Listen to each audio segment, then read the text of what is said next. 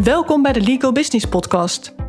De podcast voor advocaten en legal professionals met passie voor het vak en de ambitie om zich verder te ontwikkelen op businessvlak. Ik ben Marloes Kuipers en in deze podcast deel ik waardevolle tips, inzichten en strategieën die jou gaan helpen om het maximale uit je carrière of kantoor te halen.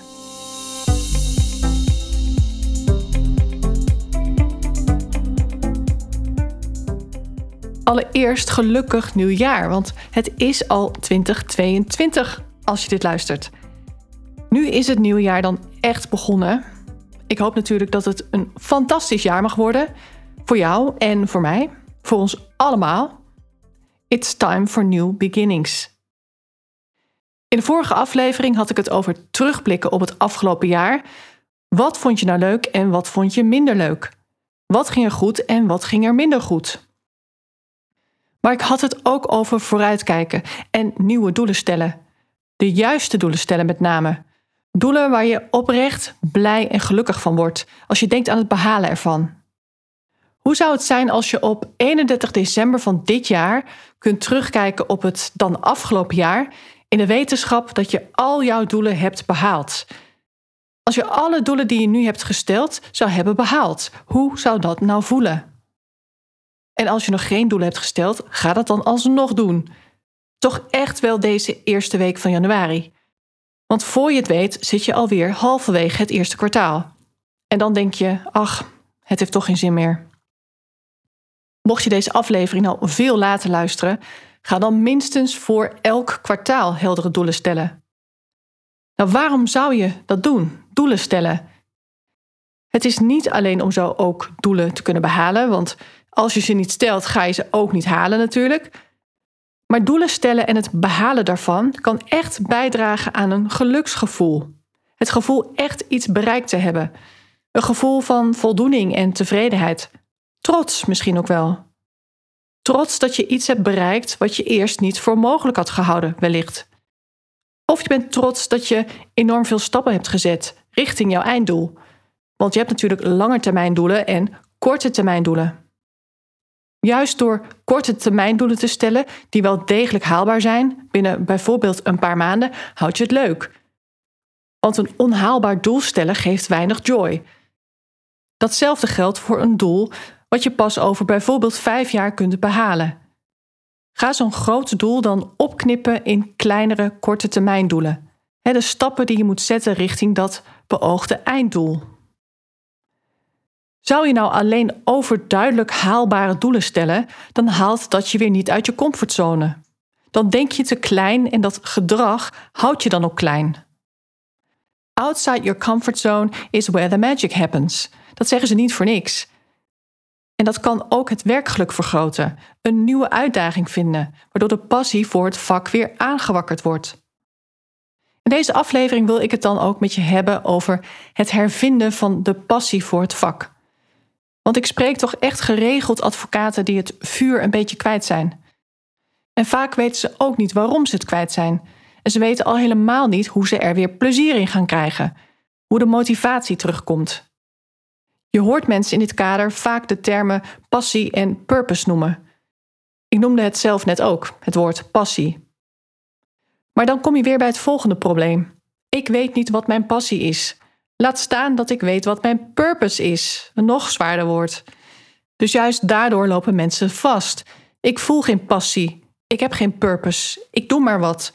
Maar no way dat ik dit over tien jaar nog steeds doe. Dat gevoel. En wat is dan de oplossing? Als je dus niet weet wat jouw passie is en wat jouw purpose in life is. Kijk naar wat jouw energie geeft. Want energie is het allerbelangrijkst. Want passie en purpose hebben eigenlijk allebei te maken met hoe iets jou doet voelen. What energizes you? Bijvoorbeeld het gevoel dat jij jouw cliënten geeft. Afhankelijk van de niche waarin je zit, kan dat hoop zijn of vrijheid. Bijvoorbeeld in strafzaken waar je dan een verdachte bij staat. Of een gevoel van veiligheid creëren wanneer je een slachtoffer bijstaat van huiselijk geweld. Een gevoel van rust als je werkzaam bent in bijvoorbeeld het erfrecht de rust die het mensen geeft om alles goed geregeld te hebben. Dus waar doe jij het voor? Waar krijg jij energie van? Ga daar vooral over nadenken in plaats van ik moet mijn passie vinden of mijn purpose in life. Dat maakt het zo zwaar en ingewikkeld als je die vraag niet zo 1, 2, 3 kunt beantwoorden. Don't wait for your passion to show up. Solve problems you like to solve. En deze quote heb ik ook weer niet zelf verzonnen, dus het is een bekend probleem. Er zijn meer mensen die het lastig vinden. Wat je vaak wel heel goed weet, is wat jouw energie geeft en wat je juist uitput. Wat jouw energie kost in plaats van oplevert. Mensen die kiezen voor een bepaalde carrière omdat het van hen verwacht wordt of omdat ze denken dat het een veilige keuze is, die voelen vaak helemaal geen passie voor wat ze doen. Het is geen natuurlijk verlopen pad. Het is geen bewuste keuze vanuit enthousiasme, maar het is een strikt rationele keuze. Dat zie je ook vaak in bijvoorbeeld Aziatische culturen, om even een voorbeeld te noemen. Je wordt of arts, of advocaat, of een accountant. Dan komt het allemaal goed. Dan zijn de ouders gerust. Maar ergens gepassioneerd over zijn wil nog niet zeggen dat je er ook geld mee verdient. Dus passie alleen is ook niet genoeg. Dat kan ook een hobby zijn. En niet van alle hobby's kun je goed leven. Anderzijds wil ergens goed geld mee kunnen verdienen ook weer niet zeggen dat je er een voldaan gevoel door krijgt. Je ziet het bij juristen, of soms zijn het niet eens juristen, die bijvoorbeeld inspringen op een gat in de wet, zo noem ik het maar even. vooral procederen tegen overheden vaak, in de massa. Elke zaak is inhoudelijk in feite copy-paste en de proceskosten die worden toch vergoed. En er wordt ook vaak heel actief gezocht naar cliënten. Ja, dat is makkelijk cashen zo in de massa, maar ik zou er persoonlijk geen voldaan gevoel van krijgen. Because I can doesn't mean I will, dat idee. Voor mij is het altijd heel belangrijk geweest om als advocaat waarde te leveren. Hè, waarde die mijn uurtarief rechtvaardigt. En die instelling zie ik ook heel veel terug bij de advocaten waar ik zelf mee werk nu. Ze willen van waarde zijn. Doen wat waardevol is. Maar dat gevoel, het gaat dus weer om energie, die behoefte heeft toch lang niet iedereen. Er zijn er toch nog genoeg die met een vork schrijven of een stagiaire het werk laten doen, terwijl de cliënt toch echt nadrukkelijk heeft verzocht om die partner. En het ook de partner is die factureert, al weet hij inhoudelijk maar weinig van de zaak. Dat is allemaal werken vanuit een andere energie, andere waarden en normen hebben. Voor sommigen is geld de grootste drijfveer en dat mag zelfs ten koste gaan van best veel, zoals bepaalde fatsoensnormen of het inleveren van vrije tijd, wat de echte workaholics doen. De vraag is wel, hoe lang ga je daar vrede mee hebben? De meesten zullen juist wel voldoening nastreven. Maar hoe realiseer je dat? Ga iets doen waarmee je anderen echt helpt. En ga iets doen wat ook niet iedereen kan. En laat het iets zijn wat jou persoonlijk een gevoel geeft van vervulling, van trots, dat je 100% achter wat je doet staat. En stel je hebt dat gevonden, hoe houd je dat gevoel dan vast? Want dat is natuurlijk de volgende uitdaging. Dat zie ik ook in mijn praktijk, vooral bij advocaten die eenmaal een bepaald niveau hebben bereikt. En dan bedoel ik juridisch inhoudelijk. Ze zijn inmiddels echt senior, soms ook al partner, en hebben qua inhoud eigenlijk niet zoveel meer te bewijzen. En die groei hebben ze al doorlopen. Ze hebben het niveau van een echte expert bereikt. En dat maakt dat voor sommigen de uitdaging weg is. Eerst was het doel om het vak te leren en zo van advocaat-stagiaire door te groeien naar advocaat-medewerker. Vervolgens willen ze doorgroeien naar senior advocaat. Dan zijn er nog de partners hè, waar je dan tegenop kijkt. En die positie bekleden vergt nog weer meer van jou. Andere skills, commerciële skills onder andere. Dan is dat de volgende uitdaging. Je hebt dan nog een weg te gaan. Iets om naar uit te kijken. Vaak is er ook een roadmap om daar te komen. Je moet een bepaalde omzet hebben, geregeld publiceren of presentaties geven, een junior begeleiden, etc. Maar als je eenmaal partner bent of een eigen kantoor hebt als ondernemer, wat valt er dan nog te winnen? Wat is dan nog de uitdaging? Dan moet je allereerst echt gaan kijken naar wat altijd jouw drijfveer is geweest. Als dat bijvoorbeeld een goed salaris is, dan valt die drijfveer weg op het moment dat je ongeveer aan jouw max zit van wat je kunt gaan verdienen in jouw positie, al dan niet met een bonusconstructie. Datzelfde geldt voor een bepaald omzetdoel als ondernemer. Als dat jou dus niet happy genoeg maakt, dan zul je echt moeten kijken naar de invulling van jouw werk. Hoe doe je je werk? Hoe kun je groeien in bijvoorbeeld efficiency en in kwaliteit? Hoe kun je bijvoorbeeld hetzelfde verdienen, maar met minder cliënten? Want je gaat een hoger segment cliënten bedienen. Of je kiest bijvoorbeeld een exclusievere of lucratievere niche. Hoe kun je jezelf nou meer vrijspelen als ondernemer? Jezelf ontlasten van zoveel managementtaken die je alleen maar energie kosten. Jouw uitdaging ligt dan onder andere op het gebied van leiderschap. Als advocaat-partner ligt daar ook vaak de grootste winst. Beter worden in leiding geven, in mensen aansturen, in coachen, in taken delegeren, in echt loslaten. Zoek dus naar een nieuwe uitdaging, vooral in jouw huidige rol. Want iets wat mij opvalt als het gaat om een mogelijke carrière switch die advocaten voor ogen hebben, dan is het wel dat ze heel erg aangetrokken worden tot doseren. Ik heb meerdere advocaten in mijn trajecten horen zeggen dat doseren hen enorm trekt. Zozeer zelfs dat ze soms overwegen om over te stappen naar het onderwijs, al dan niet over een aantal jaar. Van nou, ik zie mijzelf over een aantal jaar nog wel het onderwijs ingaan. En om een heel concreet voorbeeld te noemen, een advocaat-ondernemer in mijn jaartraject die liet mij eens een vacature zien. Docent recht bij een bepaalde onderwijsinstelling. Hier heb ik altijd van gedroomd, zei ze. Ze overwoog serieus om het te doen. Dan vraag je natuurlijk af wat ik daarvan vond. Nou, allereerst schok ik mij rot natuurlijk. Een advocaat-ondernemer die drie dagen bij een onderwijsinstelling wil gaan werken, in loondienst. Dat gaat natuurlijk niet samen met het opbouwen van een succesvol kantoor, waar wij natuurlijk mee bezig waren. En dat was ook de reden waarom ze met mij was gaan samenwerken.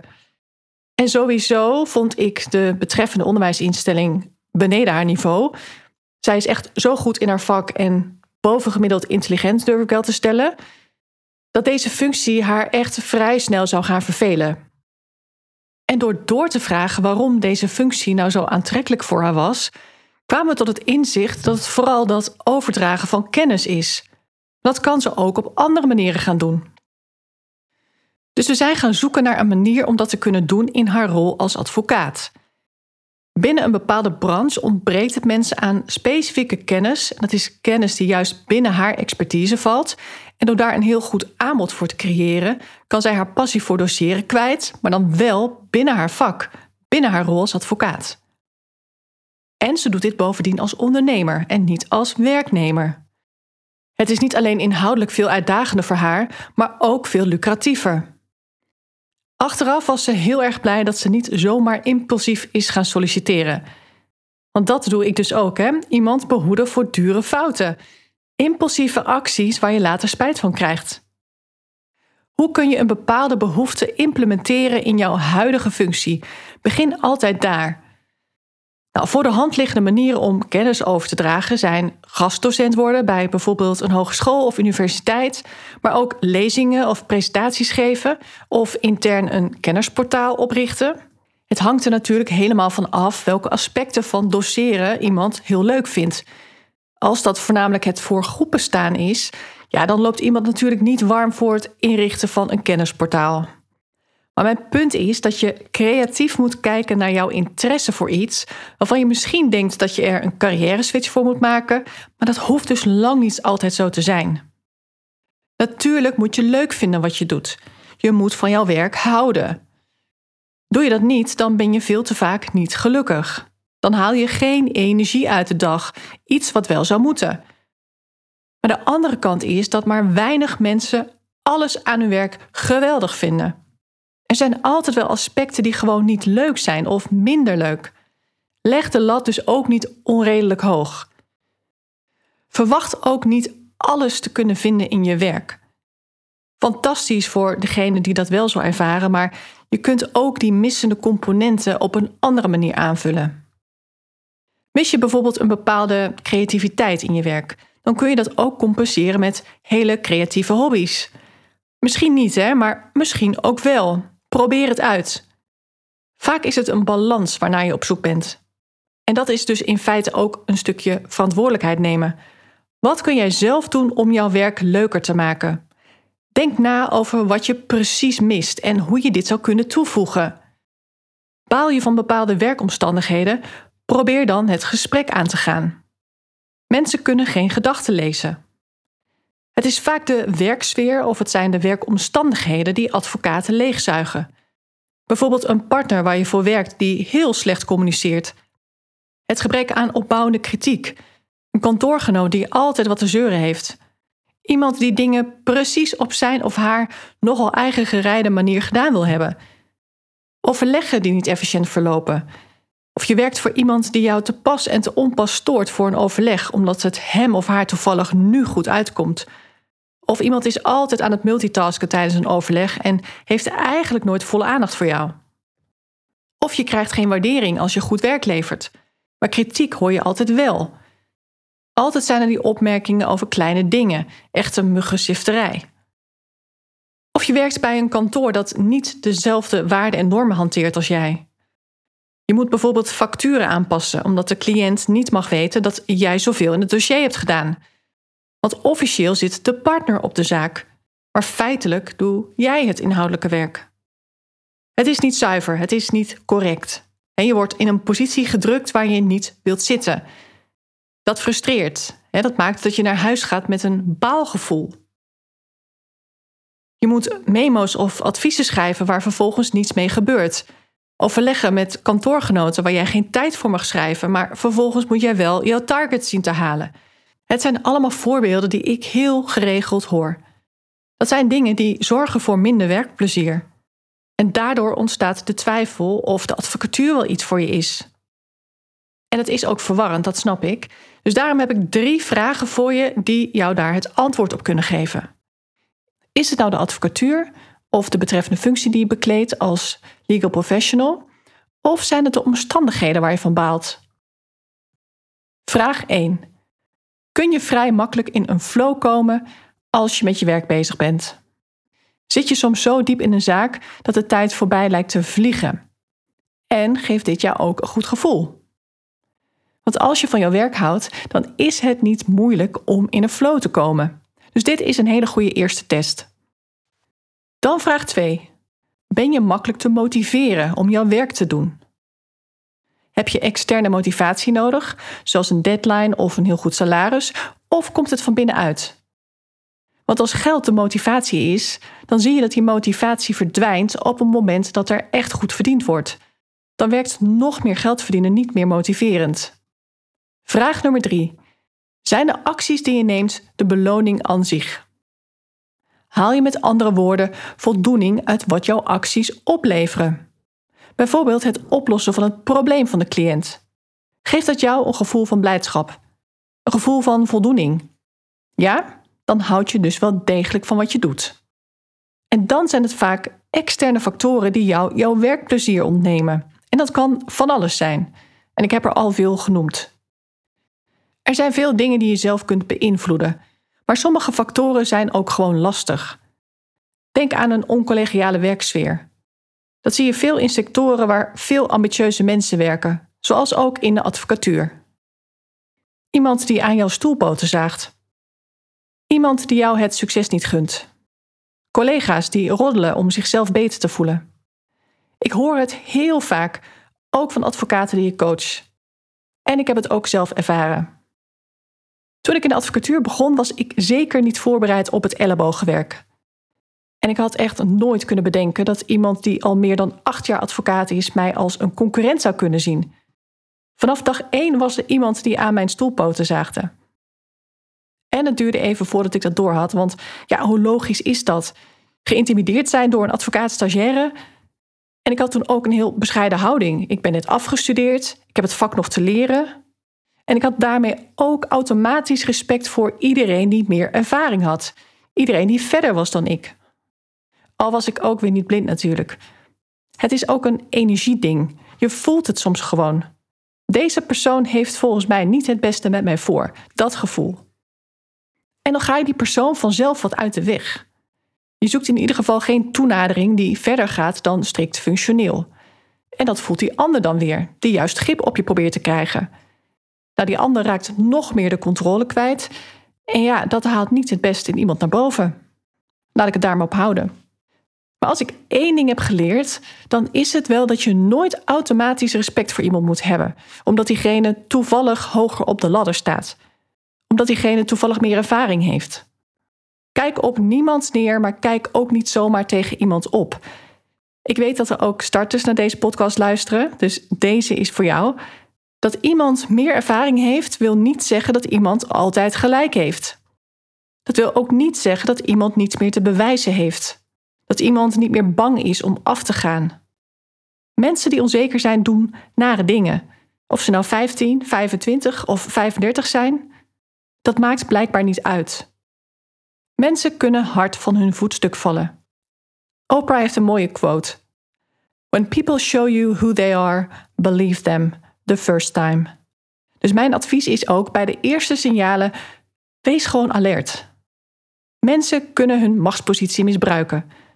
Mensen kunnen incompetent zijn op veel vlakken, dat ook weten, maar erg hun best doen om dat te verbergen.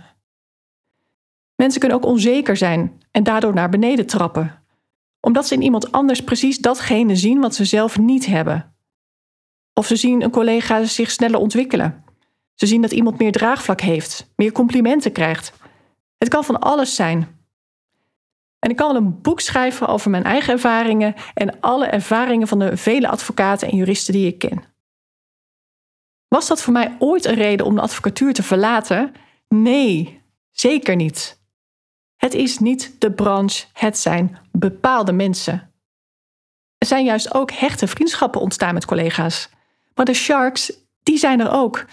En ja, die kom je nou eenmaal vaker tegen in competitieve branches zoals de advocatuur. Dat klopt. Want je hoort het ook bij bijvoorbeeld de rechterlijke macht, bij ziekenhuizen, artsen onderling, bij corporates.